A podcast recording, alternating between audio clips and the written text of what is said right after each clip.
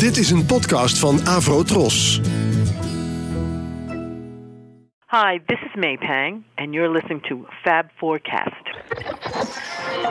Ladies and gentlemen, The Fab Four. Fab Four. John, Paul, George, Ringo. Fab Four. Fab Four. We have for you the Fab Four. Fab Forecast. Well, everybody's records influence all the minds, you know, at once. Everything influences everything. Nielsen's my favourite group.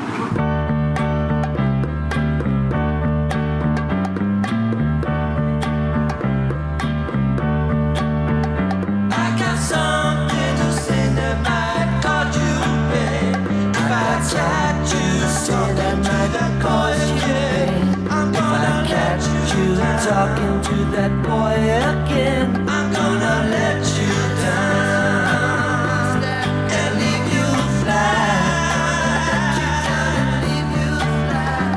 Because I told you before, you can't do that.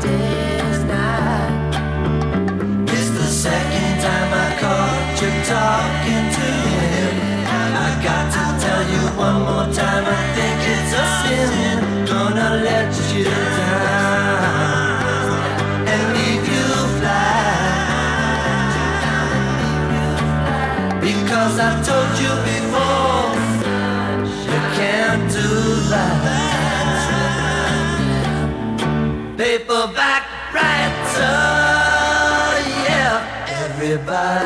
green, sha la la. Cause I'm the one who stole your love.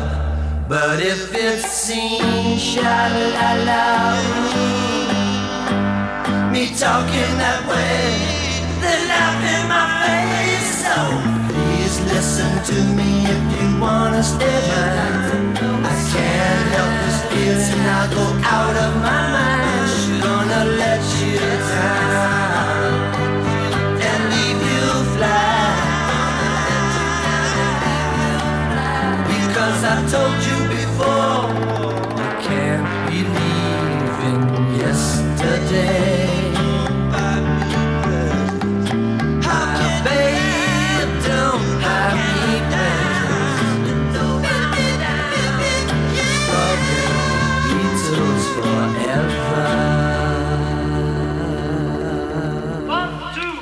Forecast. Ja, goedemorgen, goedemiddag, goedenavond. Eh welkom bij een, een nieuwe aflevering van Fab Forecast. Ik eh, zit in de studio met mijn trouwe companen Wiebo. En Jan Kees. En we hebben een speciale gast. Jorik van Noorden. Precies, Jorik van Noorden. En hoe komen we daar nou weer bij? Ja. Nou, dat heeft alles te maken met het eh, thema van deze en van de volgende show. Want die gaat helemaal over de relatie tussen The Beatles en Harry Nielsen. En ja, volgens mij was ik erachter gekomen op een of andere manier dat jij wel een groot Harry Nielsen fan was. Dat is iets wat ergens op het net rondzinkt. En we dachten van, nou, volgens mij kan hij wel een paar leuke tracks laten horen en mooie verhalen vertellen over Harry Nielsen. En toen we het aan het voorbereiden waren, toen kwamen we al heel snel achter van, er zijn zoveel verhalen en er zijn zoveel relaties tussen Nielsen en de Beatles, dat we er twee shows van maken. Ehm, En Nielsen, ja, we nemen dit nu op 14 juni op, zal morgen 75 geworden zijn. Ja. Ook heel bijzonder. Oh. Wauw. Ja. ja. Dus ja. dat is ook nog een extra. Ja, want hij is, hij is jong overleden. In, hij is 52 geworden. In vier, begin 94 overlijdt hij. Ja. Eh, maar jongens, dat, we, we moeten bij het begin We- beginnen. Een gek idee trouwens, dat hij, de- dat hij dus ouder is dan McCartney. Ja. Dat zijn carrière kwam natuurlijk wel, begon een stukje later. Ja. Ja. Dus je Ja. denkt altijd, oh, hij was jonger. Ja. Hey, maar wat heb je met eh, Harry Nielsen, Jorik? Heel veel. eh, Harry is, is denk ik voor mij een van mijn vijf favoriete artiesten. En ik weet ook niet goed hoe dat helemaal zo gekomen is, maar ik werd gewoon zijn muzikale wereld ingezogen. En ja, dat fascineerde en boeide zo. En ja, ik weet niet. Dat hij, is een fantastische schrijver, een fantastische performer. Hij, eh, hij is heel grappig, maar ook heel ontroerend. En ehm, het is net alsof hij alle facetten van de karakters van alle vier de individuele Beatles in één is. Alsof hij ze- het alle vier verenigt. Ja. Dat hij Ja. een, een mooie zoetgevoiste stem kan opzetten en, en kan schreeuwen als Lennon.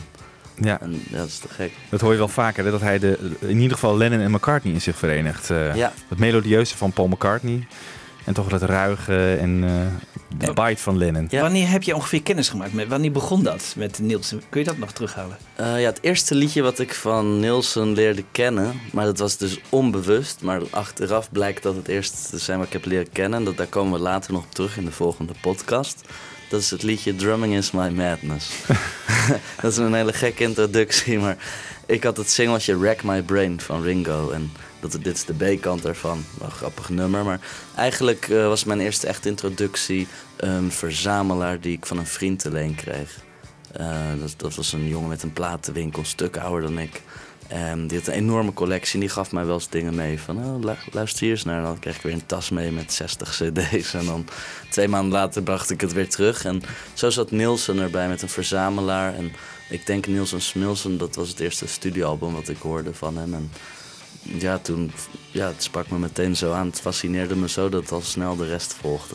Het is ook een enorm veelzijdige artiest, hè? Ja, ja. Bedoel, Ja. eh, ja, dat, dat geldt natuurlijk ook voor iemand als McCartney. En eh, ehm, eh, als je zijn albums zo op een rij legt, bedoel, het is heel vaak enorme stijlbreuken zitten erin. Hè? Ik bedoel, Ja.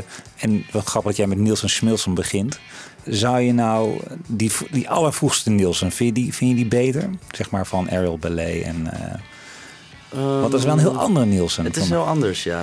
Ik weet niet of ik het beter vind. Misschien dat het me iets meer aanspreekt. Maar ik denk dat Nielsen Smilson een hele goede introductie is voor mensen om, om Harry te leren kennen. Omdat ik denk dat het, het zowel zijn vroege periode als zijn late periode een beetje eh, verenigt. Ja. Er zijn al de eerste tekenen dat hij ook flink uit de bocht kan vliegen en een gek Ja. kan zijn. Maar er zijn ook genoeg eh, mooie liedjes waar, waar je niet zijn engelachtige stem laat horen in, in al haar glorie. Ja. Zoals de Moonbeam Song en zo. Er zal wel veel abracadabra voor onze luisteraars misschien nog wel zijn. Want die zijn misschien nog helemaal niet eh, bewust van dat er een Harry Nielsen bestaat. Kunnen we kort ook even uitleggen eh, wat voor persoon het was? Waar komt hij vandaan? Het klinkt Zweeds, maar dat is hij niet, geloof ik. Het is gewoon een Amerikaan. Hij wordt ook wel echt de American Beatle genoemd. En ik kan me dus eigenlijk ook niet voorstellen dat als je deze podcast beluistert... dat je Harry Nielsen niet goed zou vinden. Dat kan me niet voorstellen. Ik bedoel, er zijn echt zeker eh, zo vier, vijf platen... Die, moet- die moet je gewoon zeker beluisterd hebben. Als je Ja. echt een Beatles-fan bent, dan moet je dat gewoon weten. Ja. En vandaar dat we ook zoveel aandacht aan besteden. Maar hij begint eigenlijk als een, eh, een songschrijver voor anderen. Ehm, en werkt dan op een bank, geloof ik. Hè. Dus hij is met computers bezig. Het is volgens mij een enorme beta-man. Gewoon een hele slimme vent ook nog. Ja, En- hij werkt zichzelf enorm op. Hij had een hele ruwe jeugd. eh, in een, in een heftige wijk in New York. En alcoholische eh, moeder. En ehm, alcoholistische moeder. Ja, Dat kunnen we even knippen. Eh, en ehm, eh, ja, zijn vader die hem verlaat. Zijn vader die hem verlaat. En, en, oh, en daarna dan gaat hij tijd bij familie wonen. En daar is hij dan na een tijdje eigenlijk ook niet meer welkom. En ja, hij moet echt van de grond af aan Ja. zelf beginnen. Ja. Hij is denk ik ook zo'n 16 of zo, als hij in zijn eentje van kust naar kust trekt. En Ja. ja. ik denk dat hij al een levenswijsheid met zich meedroeg op zijn twintigste. Ja. ja, dat is ongekend. Dan zie je ook wel wat parallellen met de jeugd van Lennon natuurlijk. Hè, die ook door zijn ouders eh, verlaten is eigenlijk. Zou dat hun later ook zo verbonden hebben, die twee? Ja, dat denk ik, ja. Ja. Dat zeggen ze Ja. wel, ja. ja. Als hij uiteindelijk Londen bezoekt en daar brengt hij volgens mij de eerste nacht dat hij in Londen is, brengt hij door op Kenwood bij, eh bij Lennon thuis. En dan gaat het al meteen over de jeugd en over eh, nou ja, eh, alles wat ze gemeenschappelijk hebben. Dus daar zit, zit ook een enorme karakterklik tussen die twee. Ja. Maar hoe komt hij op een gegeven moment met muziek in aanraking? Want hij is dus beta-man, hij werkt dus op een bank. En, maar hoe... Al, al, al, al van kinds af aan. Want zijn moeder die was ook eh eh, muzikante. Eh, niet beroepsmatig, maar zij, zij speelde piano en niet onverdienstelijk. En zij schreef zelf ook liedjes. Waarvan er ook volgens mij twee op de plaat Harry staan, zijn derde studioalbum. Zoals bijvoorbeeld eh, Nobody Cares About the Railroads Anymore. En zij schreef echt van die Broadway-achtige liedjes. Een beetje van die komische, musicaleske liedjes Ja. Ja. compacte liedjes. En dat zat er al heel vroeg in. En ja, toen kwam je daarna ook in aanraking met eh, de rock and roll en de doo-wop. En ja, later de Beatles, daar komen we nog wel op. En ja, toen was hij wel verkocht, denk ik. En heeft iemand hem ontdekt? Dat, zo'n mooie stem. Ik bedoel, eh, is, er, is er een promotor of heeft hij ergens aan meegedaan? Of hoe is dat, dat eh, tot stand gekomen? Nou ja, hij, hij, hij, ehm, woonde toen op een gegeven moment in L.A. En toen is hij inderdaad, hij heeft, hij heeft een tijdje bij een, een bioscoop gewerkt. En dan knipte hij eerst de kaartjes en zo werkte hij zich langzaam omhoog. Toen is hij inderdaad bij een bank gaan werken als, eh, als operator, als computer operator. Wat denk ik in die tijd nog best wel Ja, een, een verantwoordelijke 60. baan was. Ja, jaren 60. En tijdens de nacht schreef hij dan echt liedjes. Dan ging hij gewoon door en dan tot het ochtendgloren en dan een paar uur slapen. En met een ongekende energie. En ja, op een gegeven moment ehm, kwam hij toen in aanraking met een, een, een publisher die, die wel vertrouwen had in, in zijn talent, in wat hij kon. En toen heeft hij een contract gekregen eh, om liedjes voor hun te gaan schrijven. En zo begon het eigenlijk allemaal. Want een van zijn eerste zeg maar, zijn doorbraak zeg maar, van een nummer die hij voor anderen schreef, dat was uh, Toy van voor de Monkeys. Hè? Ja. De, de- eigenlijk is dat, eh, ja, als dat op een gegeven moment wordt opgenomen door de Monkeys, Ja. dan, kijk, dan heb je zulke royalties. En dan zegt men volgens mij tegen hem van, eh, joh, je kan nu wel je baan bij de bank opgeven, want eh, Ja. jouw toekomst ligt hier. Ja. Ja. Maar, dat je, als je voor de Monkeys mag schrijven, dan ben je. Dat, dat is toch al geweldig. Dat was het een populaire groep. Ik bedoel, de, Oh, ja, de- ja. de naam Beatles. Maar eh, er er werd enorm veel naar gekeken en eh, beluisterd en zo. Ja, ze namen ook eh, Daddy's Song op.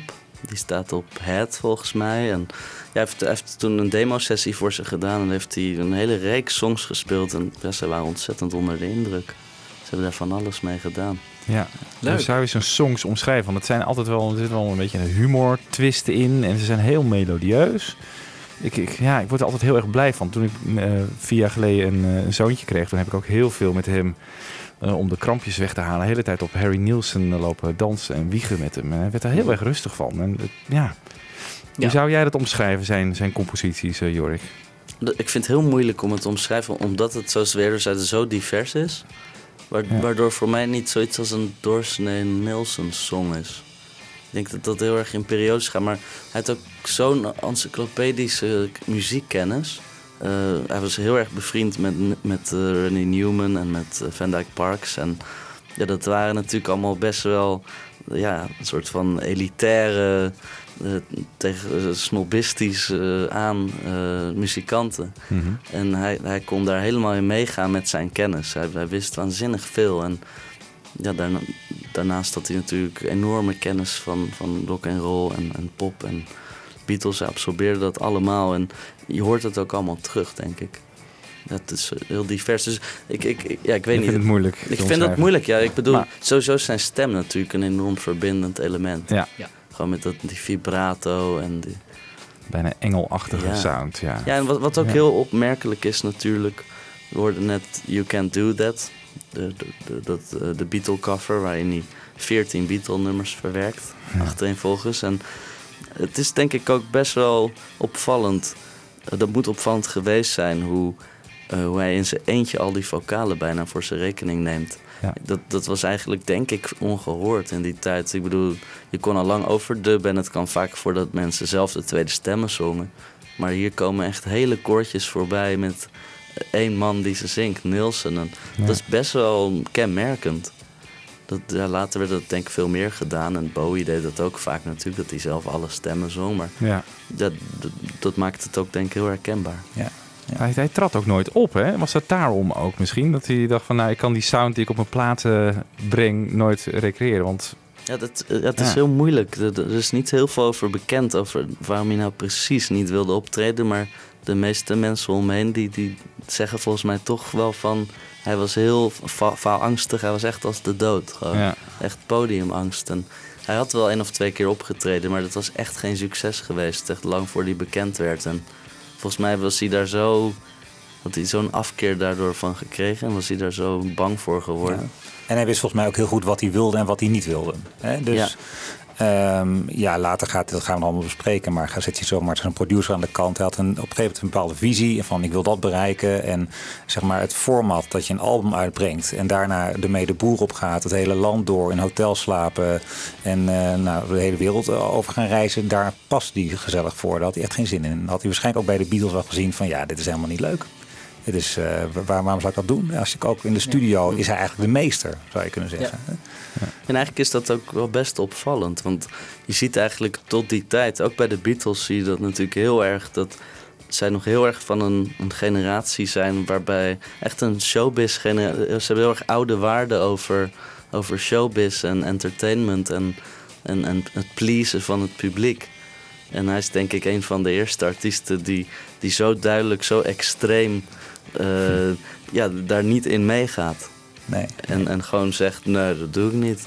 Ja. ja, dat is best opvallend eigenlijk. Eigenlijk, dat scheelt die paar jaar scheelt dan toch wel. Hè? Ja, dat je de, de ja. Beatles eh, dat ziet doen en denkt van nou, dat is prima, maar zo doe ik het niet. Eh, Ja, ja. ja. Hey, laat even een stukje laten horen van, van Jimmy Webb. Want we gaan in deze twee shows ook af en toe even teruggrijpen op een werkelijk prachtige documentaire die alweer een, eh, een aantal jaar op DVD uit is. Hè? Who is Harry and why is everybody talking about him? En nou, dat is een voorbeeldige documentaire. Ik denk dat we het allemaal over eens zijn. Er zitten heel veel leuke fragmenten in, dus daar gaan we er een paar even uitgepikt. En eentje is interessant, dat is Jimmy Webb, ook een eh, bekend songschrijver en een grote vriend van Harry. En die eh, vertelt het volgende over hoe Harry ja, tegen de Beatles aankeek. I was still working at the bank, and I, I hated the Beatles because I said, Shh, you know, they're beating me to the punch. And then there was that moment when you say, well, you're either with them or against them. And I decided to go for the latter, and I said, yeah, they really are that good. We'd be arguing about the Beatles, and he'd say, the Beatles are the only band. There's only one band, that's the Beatles. No one else matters. Nogal radicaal in, zijn, eh, in de Ja. vraag of je de Beatles of Stones goed vindt, dus eh, kennelijk. Ehm, en aardig is, volgens mij hoort een klein beetje op de achtergrond, een nummertje dat hij eh, als soort eenmansband opneemt. Dat, dan noemt hij zichzelf de Photofire 4. En dan neemt hij een single op Stand Up and Holler. Wat kan je daarover vertellen? Nou, wat ik er wel grappig aan vind, is dat het was dus voor hem een en al Beatles wat de klok sloeg. En dat zou natuurlijk door zijn hele carrière een rode draad blijven.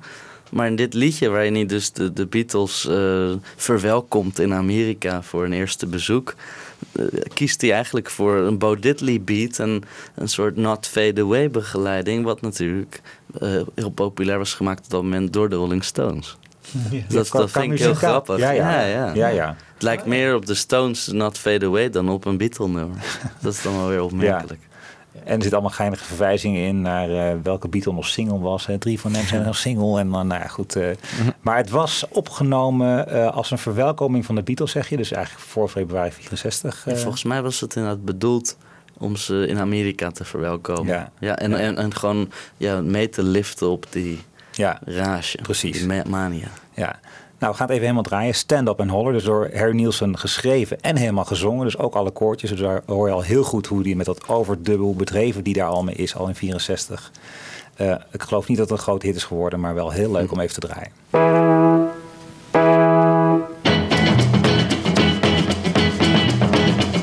Hey, girls are gonna flip your here comes the with the Beatles on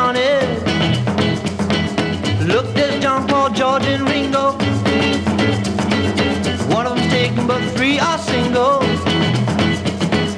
Two bits, four bits, six bits, a dollar, all for the Beatles to stand up and holler, yeah, yeah. Yeah, yeah. Oh, buy your record and see your movie. Yeah, How can four cats be so groovy? Long black hair just hanging in your face now. Ain't nobody Two bits, four bits, six bits, a dollar, all for the Beatles to stand up and holler, yeah, yeah. Yeah,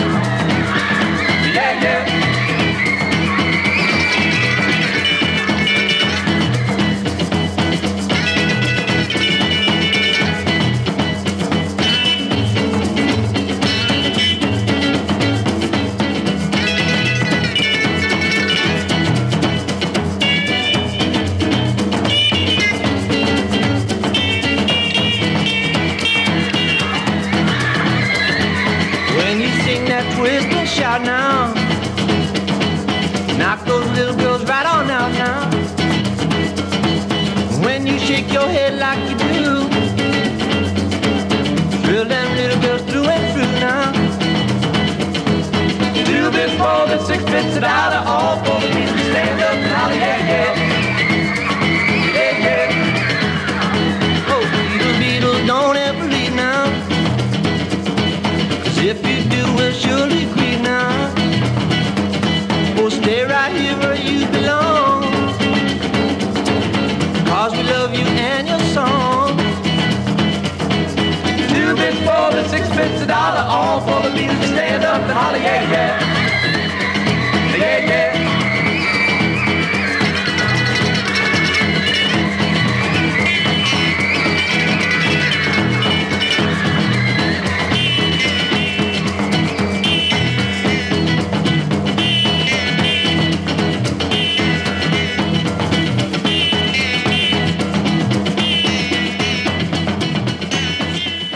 Leuk zat. Eh, All for the Beatles, eh, Stand Up and Holler. En dus een eerste duidelijke, dat duidelijk laat zien hoe, eh, wat een passie eh, eh, Harry Nielsen voor de Beatles heeft. Eh, Beatles don't ever uit- leave, ja. Ja, het kwam uit in augustus 64.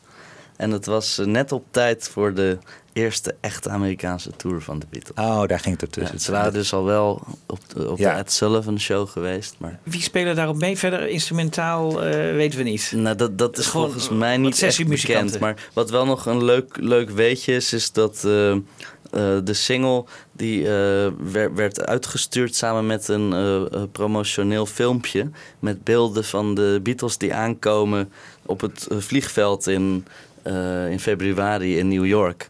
En eh, er was echt een instructie bij de single die werd gegeven dat men eh, het filmpje moest draaien in sync met de muziek. En dan zie je dus ook die screams en zo in beeld komen. Van Oh ja, want je hoort af en toe wat van die Ja. mensen. Ja, ja. Een soort videoclip eigenlijk. Ja, eh, ja. Afvallende Oh, letteren. afvallende ja. letteren, Ja. ja. Nou, dan gaat hij ook zijn eerste, nou, op het moment dat hij eh, ehm, doorbreekt, ook als eigen artiest, gaat hij natuurlijk ook zijn eigen albums opnemen. En is Pandemonium Shadow Show zijn eerste album? Zeg ik dat nou goed? Volgens mij wel, hè? Eh, ja, het is zijn eerste studioalbum voor RCA, Ja. maar zijn tweede studioalbum. Want Hij had al een plaat uitgebracht op eh, Tower Records.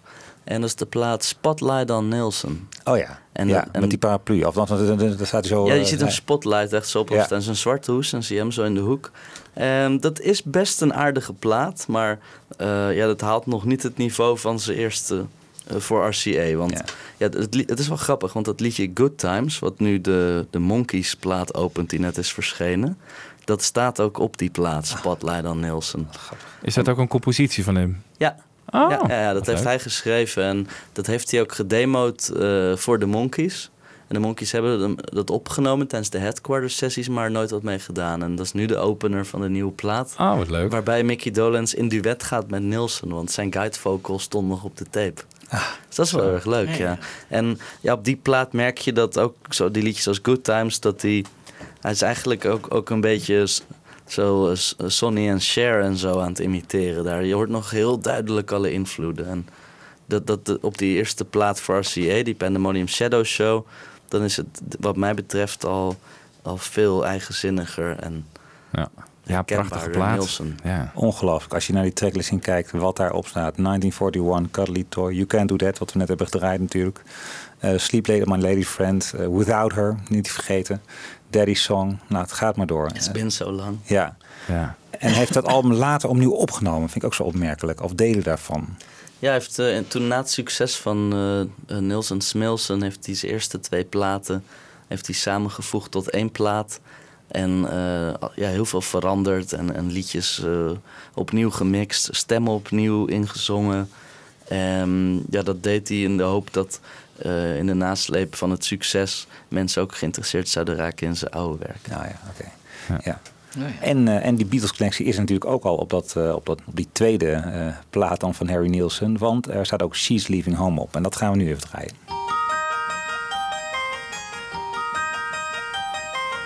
Wednesday morning at five o'clock as the day begins. Silently closing her bedroom door, leaving the note that she hoped would say more. She goes downstairs to the kitchen, clutching her handkerchief. Quietly turning the back door key, stepping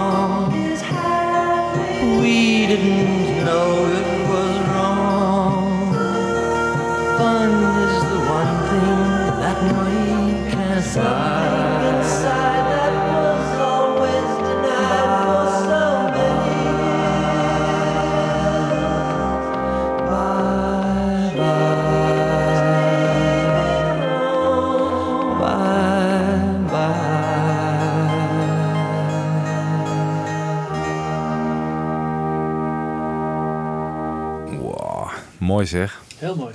She's Leaving Home, Harry Nielsen. Prachtig. Ja. Echt mooi ook dat arrangement dat hij ervan gemaakt heeft. Dat hij op een gegeven moment zo'n... Wat je in de Beatles-versie dan een, eh, gewoon een instrument speelt. Du- du- du. Dat, dat dat de drums hier doet. Ja. Oh ja. Ja. En de strijkers zijn helemaal uit. Ja. Ja. Ja, Jorik, jij zei, heeft dat niet lang na de opname van dit nummer of opgenomen? Nee, eh, eh, Sgt. Pepper verscheen op 1 juni 1967 en tien dagen later toen nam hij dit al op. En dat, dat maakte het natuurlijk wel helemaal bewonderenswaardig. Ja. Dat je dat nummer dan al zo van, van binnenuit kent. Ja. Dat, ja, Ja. dat- met- natuurlijk vaak de anekdote over Hendrix die Ja. wordt aangehaald. Maar zo dit van de Beatles zagen hem Ja. eh, twee dagen later. Ja. En, en hij, hij speelde Sgt. Pepper al. Maar dit mag er ook zijn inderdaad. Ja. Dat is ook Ja. Ja. knap. Ja. Ja, mocht eh, McCartney ooit dit nummer weer eens eh, op zijn setlist zetten, dan eh, kan hij in ieder geval deze anekdote ook aanhalen. maar hij is wel leuk, ja. Ja, heel mooi. Heel ja. mooi. Heel mooi. Ze hebben elkaar nog steeds niet ontmoet eh, ten tijde van dit, toch? De Beatles en Harry Nielsen. Ehm, nou, nee, niet, niet ten tijde van de opname. Maar eh, George Harrison is de eerste Beatle die eh Nielsen ontmoet. Want eh, voor de release van, van dit album, Pandemonium Shadow Show, komt er al een singeltje uit. Met You Can't Do That ook. En, en Harrison, die, die, via Derek Taylor, komt hij volgens mij op de hoogte van het bestaan daarvan. En dan nodigen ze hem uit voor een audiëntie bij Harrison op Blue Jay Way. Ah, Oh, in- Waar het harmonium staat waarop het, het, het, het liedje Blue Jay Bay werd geschreven. En daarom moeten ze elkaar voor het eerst. En er wordt er wat bewondering eh, uitgesproken wederzijds. En volgens mij kreeg Harrison toen ook al een paar acetates mee met werkversies van liedjes voor de plaat. Ten Little Indians en zo. Oh, leuk. En, Ja. ehm, nou ja, dat, maar dat is alleen Harrison. Want volgens mij komen de andere Beatles pas via Dirk Taylor in aanraking met hem wanneer het album verschijnt. En Dirk Taylor dan zo onder de indruk is van de plaat dat hij het album in, in veelvoud eh, koopt. En in, in een grote box vol en uitdeelt aan al zijn bekende vrienden en, Ja. en, en muzikanten. Volgens mij hebben we een quota van klaarstaan, toch Michiel? Ja, en dat, nou, die één, één quote hebben we in ieder geval gehoord. Want het begin van de show Ja. is natuurlijk die, die persconferentie. Die is vrij kort daarna dan. Hè, dat de Beatles, eh, dus in ieder geval John en Paul zeggen dat Nielsen hun favoriete groep is. Wat volgens mij bij het, de verzamelde pers ook een beetje het leidt tot reacties van wie, is, eh, wie is dat in godsnaam? Wat gemist? Ehm, maar ook even inderdaad een fragment van eh, Joan Taylor. Want eh Dirk Taylor was toen al overleden toen de documentaire werd gemaakt. Maar Joan Taylor vertelt even over hoe Dirk Taylor ja, onder de indruk was van, van Harry. En vervolgens ehm, eh, de Beatles confronteert met, eh, met die platen van, de, van Harry. We were in Safeway car park on La Brea, and I went to, to do some shopping, and I came out, and Derek said, "Just heard this incredible man singing a song called 1941," and he was just called Nilsson. The next thing I knew, Derek had got uh, a dozen albums, and he sent them to everybody he knew, including George and John and Paul and people in England. Not because he represented Harry, but just because he loved him. So one day I was uh, early, it was five in the morning, I got a phone call, and there's this voice, long distance. Hello? Hello? Who is it? It's John. John who? It's John Lennon. Is this really John? He says, yeah, I just wanted to say you're fantastic, man. Been listening to you all weekend. You know, he's great, great, great. You know, he's just fantastic. Uh, the following Monday, I got a phone call from Paul. How are you? Just calling to say you're fantastic. You know, just, oh, you're great, you know, and uh, really love what you did and all that stuff. You know, Derek played it for us and hope to see you soon. And clunk. The next Monday morning, I get up, comb my hair, five o'clock in the morning, waiting for a call from Ringo. There was no call. But he ended up being our best man at our wedding, so that's okay. ja. Ja. Vijf uur 's ochtends in L.A. Dan zit ik even uit te rekenen hoe laat het dan hier was. Maar dat moet dan... In L.A., ja, negen uur zitten we. Dus acht uur met eh, Engeland. Ja. Ja. Ja. Dus was het daar eh, negen uur s'avonds. Nou, dat is nog een Ja. oké tijd. In elk geval, de vlam slaat in de pan. En Ja. ehm, jij vertelt, eh, Jorik, dat, dat Harry dan de uitnodiging krijgt om naar Londen te komen, naar de Abbey Road Studios. Ja, eigenlijk ehm, eh, kort nadat dat dit gebeurd is, dat de- bij, de, bij de persconferentie eh, John en Paul allebei zeggen van oh Nielsen, Nielsen for president, eh, belt Dirk Taylor hem op met het verzoek van eh, wil je alsjeblieft naar Londen komen, naar Abbey Road. De jongens willen je heel graag zien en ontmoeten. Nee, dat is natuurlijk iets waar hij geen nee tegen kan zeggen en waar hij niet lang over hoeft na te denken. Ehm, op dat moment was hij eh, nog steeds ook wel in, in, in dienst. Dus hij moest vrijvragen ervoor. En nou, dat kreeg hij wel. Dus eh, toen is hij daarheen gegaan en heeft hij ze allemaal voor het eerst ontmoet. En de Beatles zitten dan midden in de White Album. Ja. Weet je nog wat, wat zijn ze aan het opnemen op dat moment? Eh, hebt- ik, ik denk dat hij meer dan één sessie heeft bezocht. Maar eh, ik weet dat hij sowieso volgens mij aanwezig was terwijl ze voor Piggies... Volgens mij de, de zangopname of zo. En Ja. wat van dat soort dingen. Het is natuurlijk bizar eigenlijk hè, dat zij hem daar zo uitkozen. Ja. En zo Ja. uit Ja. op, ja, obscuriteit haalden. Daar hoor je eigenlijk helemaal niks over dat Nielsen in Abbey Road is geweest. Dat hoor ik Nee. nu voor Nee. het eerst. Ja. ja. Oh ja, ja. Wist, jij het, eh, Ja, ik wist wel dat hij er was. Ja, ik, was, ik wist even niet precies eh, welke dag. Maar het was geloof ik een weekend of zo. Hij is ook maar echt drie dagen is daar geweest. Ja, Ja. ja. dat was echt kort. Ja. Echt een weekend. Ja, dus één nacht eh, met, met Lennon doorgebracht, had het net al even over, hè, waarbij dus een enorme klik tussen die twee ontstaat. Ehm, daarna volgens mij een dag met opnamesessies. Of nee, volgens mij de nacht, de nacht daarna, dat is weer ook weer zo'n nachtelijke Ja, schrijfsessie. ja, ja. ehm, eh, gaat hij dus voor het album van Mary Hopkin wat schrijven. Want Mary Hopkin die wordt op dat moment geproduceerd door de, haar, haar debuutplaat door Paul McCartney. En McCartney heeft nog een nummertje nodig. Ja. En dat zou worden de, De Papi Song. Ja. Ja. Oh, ja. ja. Wat hij later zelf ook heeft opgenomen. En eh, dat, dat schrijft hij dus speciaal ter- terwijl hij eh, in Londen is. Op verzoek van McCartney voor het album van Mary Hopkin. Ja. Die ook heel erg onder de indruk daarvan was. Ja, Want dat liedje dat eh, is hij toen eh, bij McCartney thuis gaan voorspelen voor hem. S ochtends van, oh, ik heb dit liedje geschreven. En Linda was toen ook daar al bij. Die was bij Paul op dat moment. Dat was echt in de begindagen van hun relatie. En McCartney die speelde toen voor Nielsen een vroege versie van Blackbird. Ah. Zo van, oh, ik heb ook een nieuw liedje. Oh ja. Moet je mij even Ja, ja, ja, ja. En, en, en dat, ik, dat heeft denk ik toch ook heel erg indruk gemaakt. Omdat op, eh, ja, later eh, Nielsen dat liedje ook nog wel eens zou opnemen voor zichzelf. ja. Maar ik zit even te denken, want eh, Mary Hopkin, ik dacht dat altijd dat, dat, dat na de witte dubbele LP-opname was. Maar misschien heeft hij al bedacht van ik heb materiaal nodig Ja, of zo. wat hij aan het eh. verzamelen was. Ja, ja. Ja. Ja. want het liep volgens mij niet door elkaar heen. eh, Mary Hopkin en eh, de witte dubbele LP. Dat, eh, Nee, nee, nee, nee. Ze waren echt in het stadium van materiaal zoeken. Ja, materiaal Ja. zoeken. Ja, zo zal het geweest zijn. Ja, zo zal het Dus geweest hetzelfde plaat als waar Were The Days op staat. eh, Ja, van ja, haar die grote. postcard. Ja, postcard. Ja, Ja, waar we later ook nog eh, een sessie horen van eh, Donovan en Paul, hè, die bekend is dat ze Ja, dat is samen spelen. En dat is ook op die postcard. eh, Ja, postcard staat de. Reedy River, denk ik. dat zou Dat kunnen. Donovan liedje. Oh, vandaar dat Donovan. Ja, klopt, ja. Oh ja. The Ja. Reedy Ja. River. Ja. Oh ja. Ja. Ja. Ik ben toch wel heel benieuwd naar de Puppy Song zometeen, jongens. Want, Ja. eh, het is echt, dat is een heel mooi liedje. En je, je, kan- je hoort ook meteen dat van ja, dit, dit zal Paul wel mooi gevonden hebben. ja. Je snapt wel waarom, waarom hij daar blij mee was. Nou, laten we eerst ons even heel kort nog een stukje fragment, uh, gesproken woordfragment draaien uit de documentaire over het bezoek van Harry aan, uh, aan de Beatles in Londen. En daarna de Song van Mary Hopkin. I got a phone call. It was from Derek Till. And uh, Derek said, Harry, uh, the lads, the boys, the Fabs, would uh, like you to come over and join them in a session. They're recording at Abbey Road. I thought, my Jesus, this is about as good as it gets. First night in London, I spent at John Lennon's house. Uh, he gives me like a hug. And he smiled and he put me at ease instantly. So I, for some reason I could say anything in front of this man and it would be okay. That night we spent the entire night with a little uh, help from our friends uh, talking, just sitting and talking all night till dawn, till 7 or 8 o'clock in the morning. And John and I on and on and on and on about marriage, life, death, divorce, women, what's it all about, you know, what are we doing? I think that Harry had an incredible respect for John. It was like a fan, you know.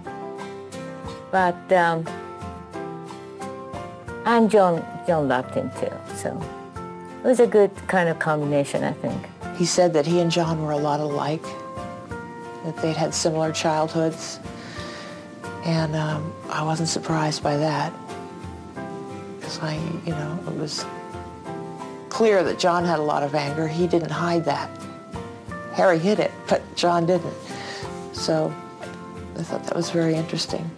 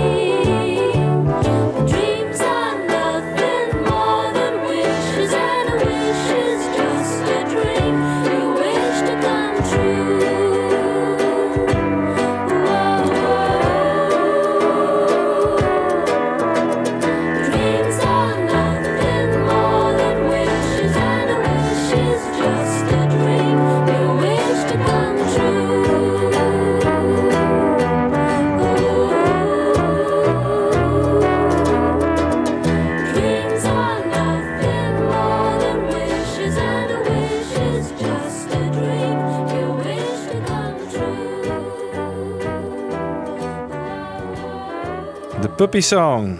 Mary Hopkin van het album Postcard. Geschreven door Harry Nielsen.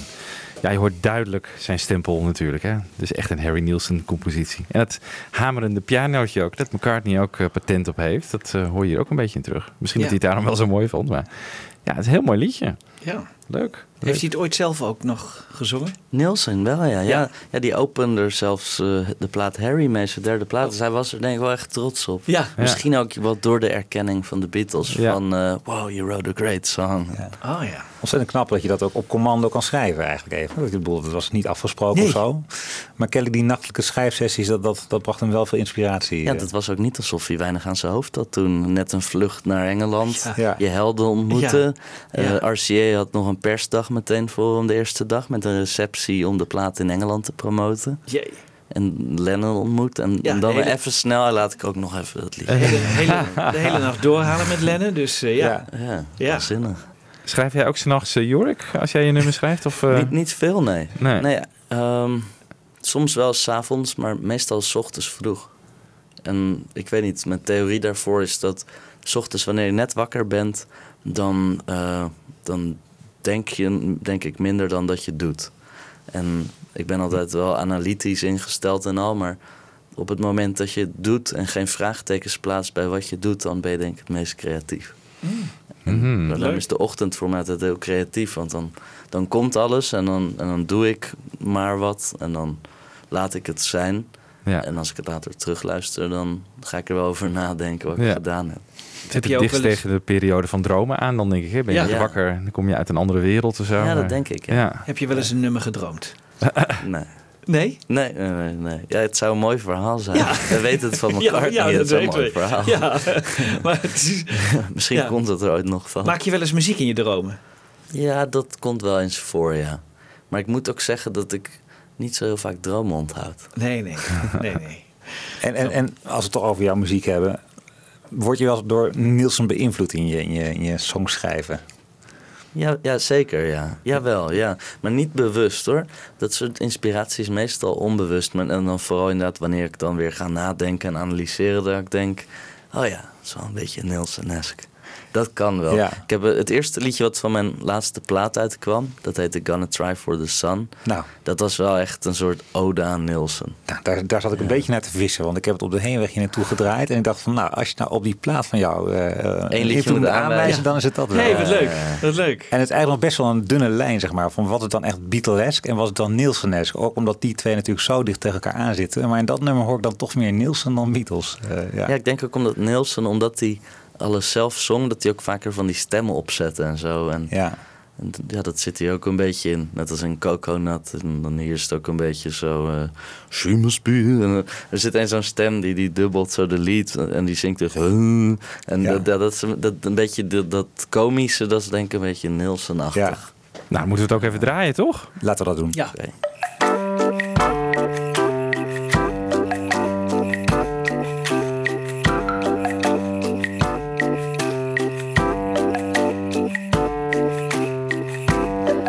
Be the one that will make me sing. She's my only song. Here and there, everywhere, she can make a circle square. She can never do me wrong. And I don't know why, but I wanna find out. Wanna find out who is me. And I don't give a damn, cause I've done what I can. And I'm hoping she will see. Cause I'm gonna try, try, gonna try, try, gonna try, gonna try, try for the sun. Yes, I'm gonna try, try, gonna try, try, gonna try, gonna try, try for the one.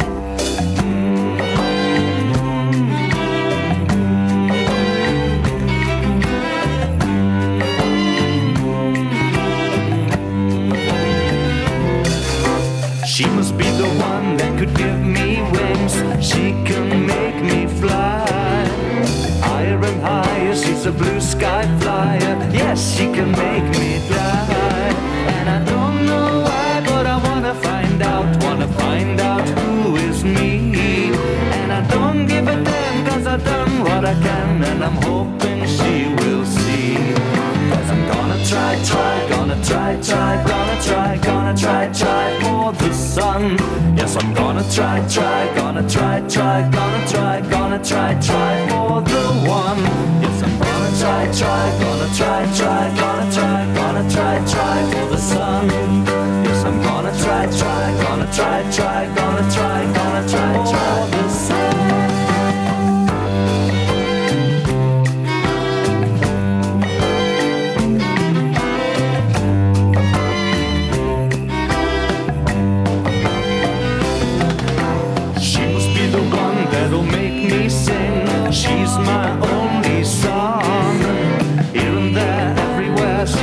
A circle square. She can never do me wrong.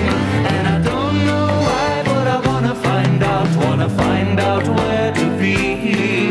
And I don't give a damn, cause I've done what I can, and I'm hoping she will see. Cause I'm gonna try, try, gonna try, try, gonna try, gonna try, try for the sun. Try, try, gonna try, try, gonna try, gonna try, try for the one. Yes, I'm gonna try, try, gonna try, try, gonna try, gonna try, try for the sun. Yes, I'm gonna try, try, gonna try, try, gonna try, gonna try, try the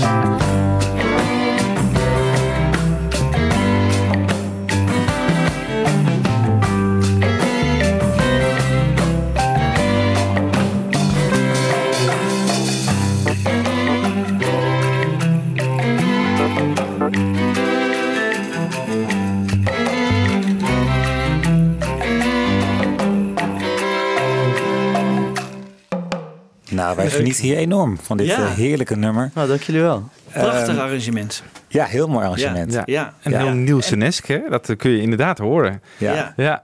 Het zit, het zit ook een beetje in die strijkers. Want ik moet bijvoorbeeld aan Ja. een nummer als Sleep Late My Lady Friend denken. Hè, wat ook van die beetje Beatle-achtige strijkers heeft. En eh, ehm, volgens mij keek Nielsen ook wel met een soort schuin oog weer naar de Beatles. Hoe, hoe, hoe die samenwerking met die producers ging. Met, eh, met, eh, met het inzetten van strijkers in nummers. Oh ja, maar jij ja. vertelt net wat leuks over, dit, over jouw, jouw eigen nummer. Dat is gearrangeerd door... Eh, ja, dit is gearrangeerd, althans de strijkers zijn gearrangeerd door Rijer Zwart. En dat is een bassist en arrangeur. die ook op mijn plaat veel heeft ingespeeld. veel basgitaar. En die had strijkers gearrangeerd hiervoor. En hij zit toevallig in de band van Van Dyke Parks wanneer hij in, in Europa toert. Van Dyke Parks is eh, vooral bekend van zijn samenwerking met Brian Wilson van de Beach Boys. Ja. Aan Smile. En ehm, ik had hem expliciet gezegd kun je het arrangeren zoals Van Dyke Parks het zou doen. En wat voorbeelden gestuurd. En toevallig, om, om- omdat we hier een programma maken over de Beatles, heb ik hem ook het liedje eh, Sea Breezes van Mike McGear gestuurd.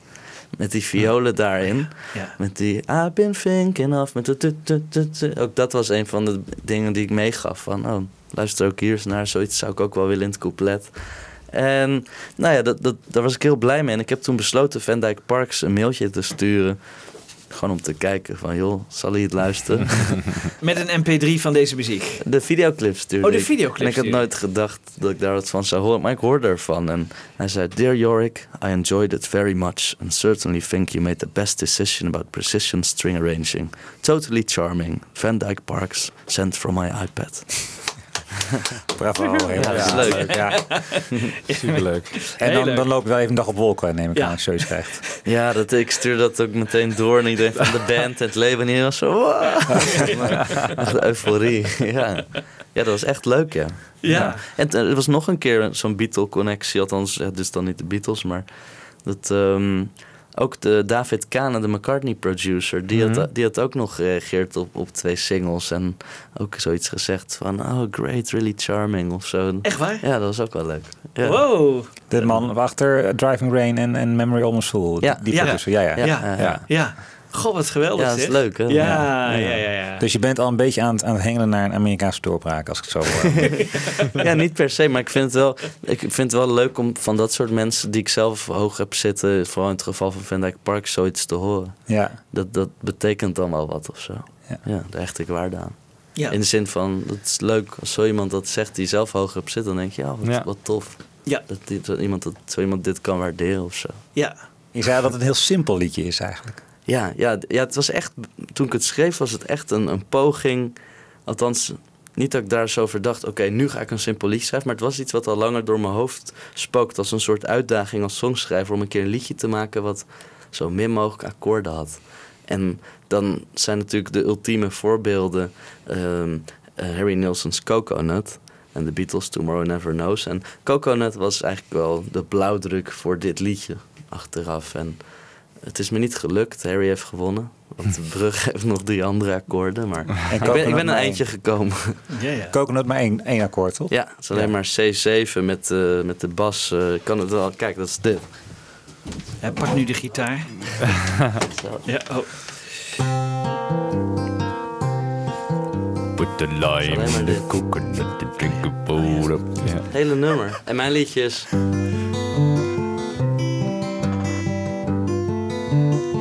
Bijna het hele nummer. Maar dan eh, doe ik één keer. En dat is dan twee, drie, vier. Ja, dan, ja, ja, daar, daar dan. verlies je. Daar ga je. Dan vlieg ik uit de bocht. Ah, jammer Jork. So close. Ja, faalde ik toch. We gaan het even hebben over, over Harry en, ja. eh, en de Beatles. Want eh, eh, hoe, hoe leuk dit ook is. Eh, we moeten even terug naar 68. Want dat, dat, dat tripje naar Londen is niet alleen maar een, ja, een aardige kennismaking van Harry met de Beatles. Maar het, bepaalt ook eigenlijk eh, zijn eigen carrière. De keuze die hij in zijn eigen carrière gaat maken heel sterk. Hè? En wat dat betreft heeft, heeft nogal wat gevolgen, zou je kunnen zeggen. Kan je daar wat meer over zeggen? Nou ja, eh, veel van zijn eh intimi die zeggen dat hij na, na dat bezoek aan de Beatles nooit meer dezelfde was. Dat hij echt veranderd was. En ja, dat zegt, zegt zelfs zijn vrouw op dat moment, Diane. En dat, ja, dat, dat beamen ook wel de mensen met wie hij muzikaal samenwerkte. Zoals inderdaad ehm, zijn producer, eh, Rick eh, Gerard. Zo spreek je het volgens mij uit. En dat was een producer, dat was een soort staff producer van RCA. Die werkte ook voor eh, Jefferson Airplane en zo. En ja, die werd volgens mij echt, binnen weken na zijn terugkeer aan de kant geschoven. En wat hij tegen hem zei. Hij was drie maanden terug toen Gerard een eh, telegram ontving. En daarin stond: Thanks for nothing. I'm finding another producer. Nou ja. en dat was die producer van Pandemonium eh Ja. Ja, Shadow ja, Show. ja. Ja, ja, ja. Die mooie plaat. Ja, en, en, en Ariel Ballet. Ook de Ook. tweede, ja. En ze hadden ook al twee liedjes opgenomen voor Harry. Open your window. Ja. Ja. Maar werd hij dan eigenlijk negatief? Ik bedoel, werd hij wat arrogant? Of werd hij... Nee, helemaal niet. Maar we, we- laten hem zelf even dat vertellen, die. Rick Gerard. Ja. Harry, after he went over to England and was with the Beatles or with John, and I, I really don't know which, he changed. He changed and became somebody else that I no longer knew. Out of the blue, I got a telegram that said, I'm finding another producer. And basically that was the end of Harry's and my relationship. And that's a pretty stunning statement to make. And I hesitated to say it, but facts are facts, and that's what happened. I never saw Harry again after that telegram. Never spoke to him, never saw him. Not out of malice from my point, we just never ran into each other or anything. I think if I if I did, I would have said, what what was that all about? Heftig, hè? Ja, Ja, heftig. Ja, want hij, hij, spreekt hier een soort gecensureerde versie ook nog van, de, Ja. van, het, eh, van het telegram uit. Hij is nog heel aardig voor hem ja, hij is Ja. heel aardig, ja.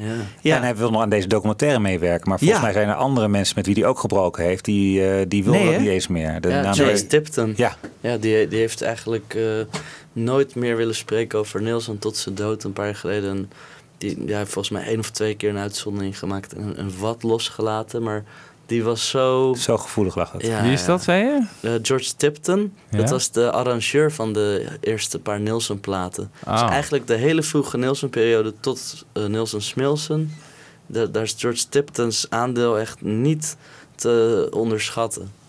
Dat was zo groot. Dat is, Ja. hij, hij bepaalde zo die sound. Al die nummers, zo 1941, al die blazers, Ja. arrangementen. Ja. Als je dat weghaalt... Dat zeg maar George Martin weghalen bij de Beatles. Ja, dat zou je echt. kunnen zeggen. ja. Hij was e- echt heel belangrijk. En ja, ook hij ja, werd, zo de rug toegekeerd eigenlijk. Van de En- een op de andere dag. Ja. En, en zo ging het denk ik ook, ook met zijn eerste vrouw en zijn tweede vrouw. eh, Ja. Die Ja. Diane was al zijn tweede vrouw volgens mij. Ja. Ja. Dus hij veranderde niet helemaal ten positieve misschien. Nee, nee, nee, dat denk ik niet. Ik denk wel dat dat hem wel een beetje naar zijn bol steeg. En ja, het is ook misschien moeilijk als, als je je grootste helden niet alleen ontmoet, maar dat ze jou als vrienden omarmen. En ja, en het zijn ook nog de artiesten die aan de top van de wereld staan op dat moment. Ehm, Ja, en toch... eh, het, is, het is negatief, denk ik, dat hij, dat hij zich anders ging gedragen. Ja. ja, maar zijn grote successen gaan dan toch nog komen. Want Ja. Everybody's Talking moet nog komen. eh, Ja, en die was al wel opgenomen met... eh, Met Chit Tipton, Ja? Tipton Ja. en met Gerard nog als producer. Ja. Want het stond al op Ariel Ballet. Dus dat prachtige arrangement, want het is natuurlijk een nummer van Fred Neil, maar dat hele arrangement is van Tipton eigenlijk. Zo, Ja. Toch? Ja. Ja. En dat maakt het ook voor een groot deel naast het mooie, de mooie zangperformance. En dat is één op één overgenomen in de film. Ja. Ja. ja. Midnight Cowboy, hè? Ja. Ja. Nou goed, op, de, op de plaat eh, Harry, daar, eh, daar werken ze nog goed samen. Eh, Gerard Tipton en, en Harry Nielsen. En op dat album staat ook Mother Nature's Son. En, Die, die eh, Gerard die was al weg bij alles behalve twee liedjes. Van, Oh. van, van Harry. Oké. Die had alleen die eh, Open Your Window en Morning Glory Story. Ah, Oké, dus akkoord. Eh, goed, we luisteren even naar ehm, Mother Nature's Son van Harry. Ehm, dus al zonder George Tipton en Rick Gerard aan het hoor. En het schijnt dat de Beatles zelf dit ook een hele mooie cover vonden van hun, hun nummer eh, Mother Nature's Son.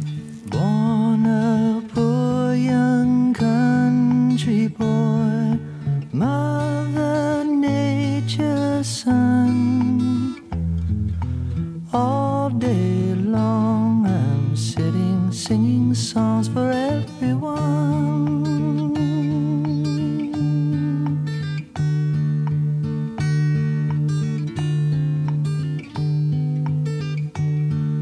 Sit beside a mountain stream, see her waters rise.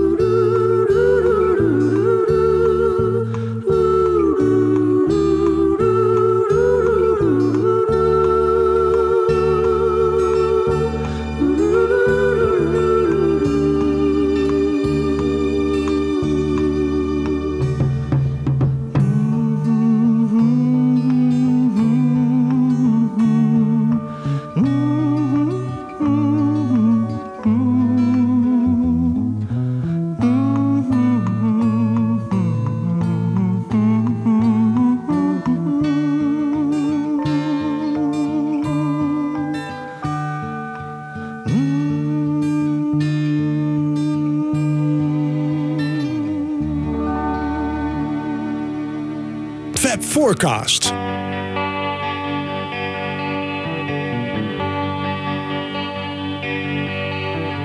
Blackbird singing in the dead of night. Take these broken wings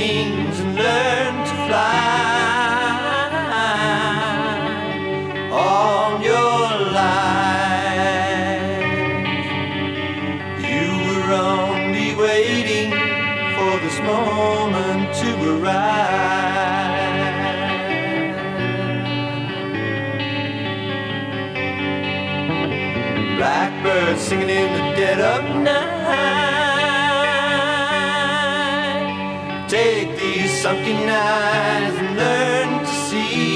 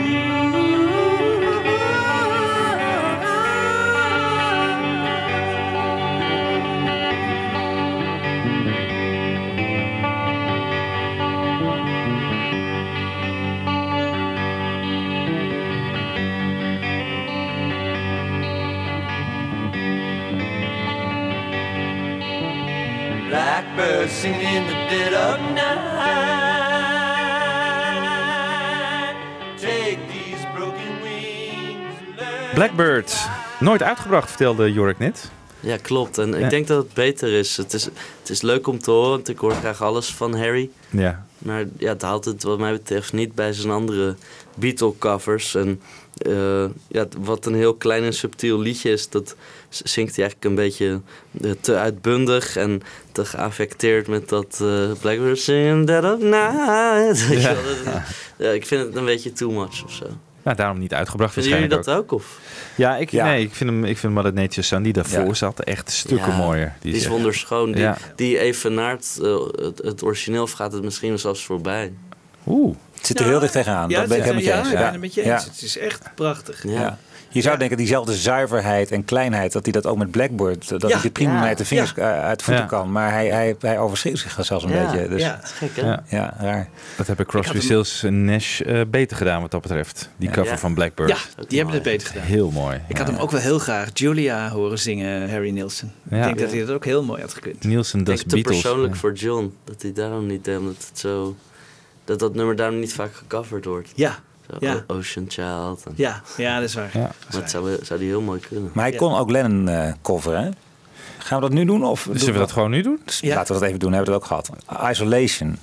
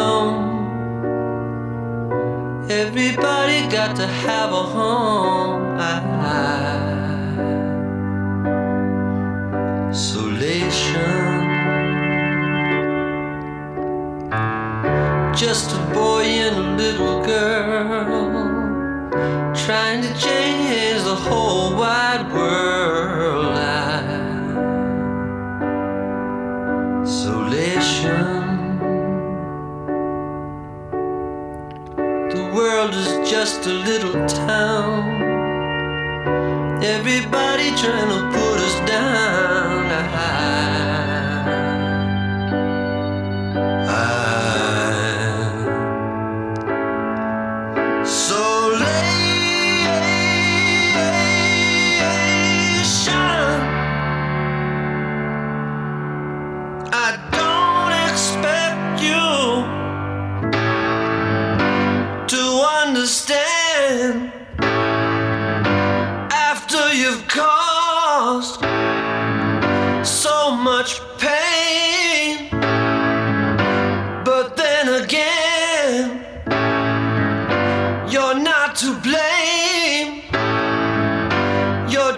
A human, a victim of the insane.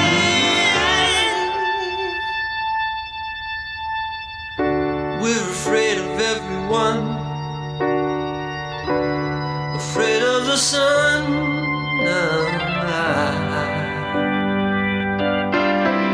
Isolation. The sun will never disappear,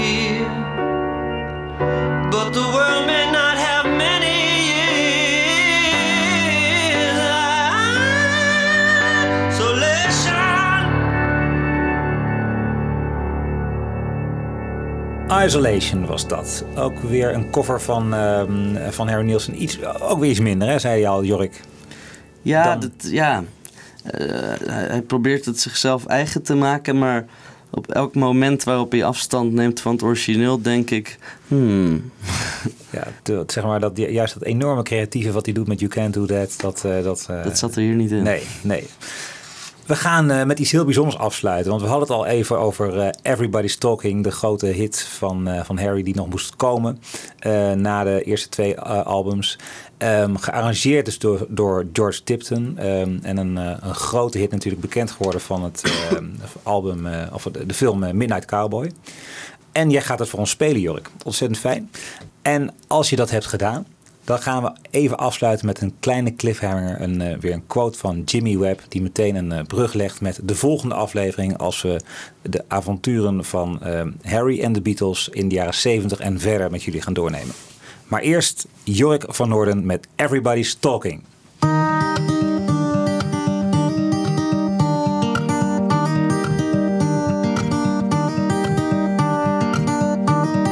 Everybody's talking at. Can't hear a word they're saying, only the echoes of my mind.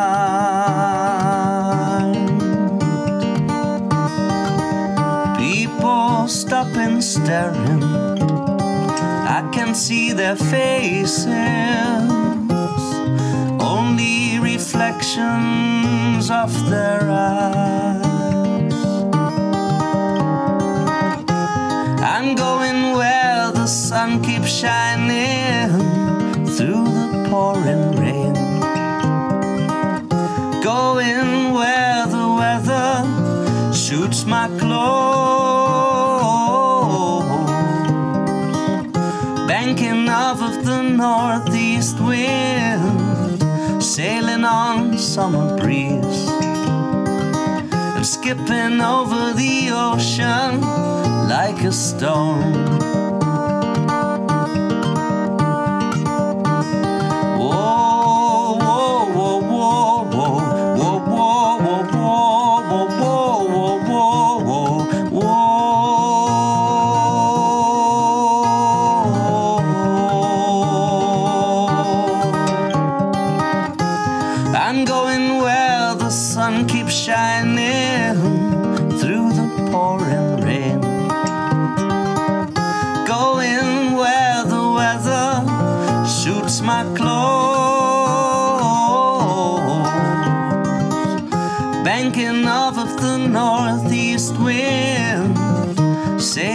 On summer breeze, and skipping over the ocean like a stone. Everybody's talking at me. I can't hear a word they're saying, only the shadows of their eyes.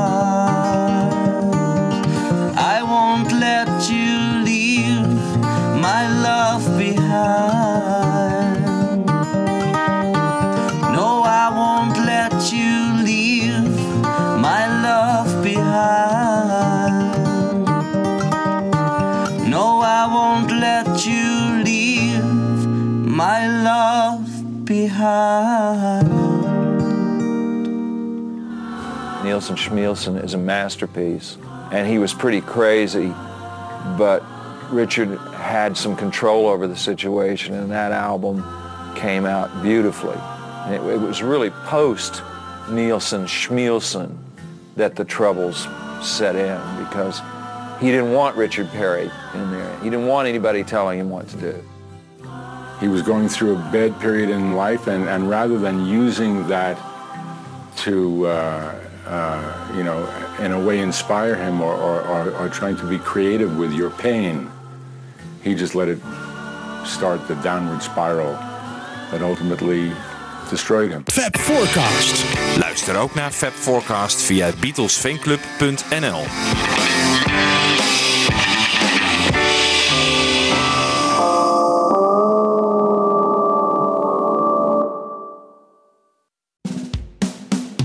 Was een podcast van Avro Tros. Wij maken tientallen podcasts per week. Van klassiek tot pop, van actueel tot archief, van reguliere radioshows tot speciaal voor podcast gemaakte programma's. Kijk voor meer podcasts op avrotros.nl.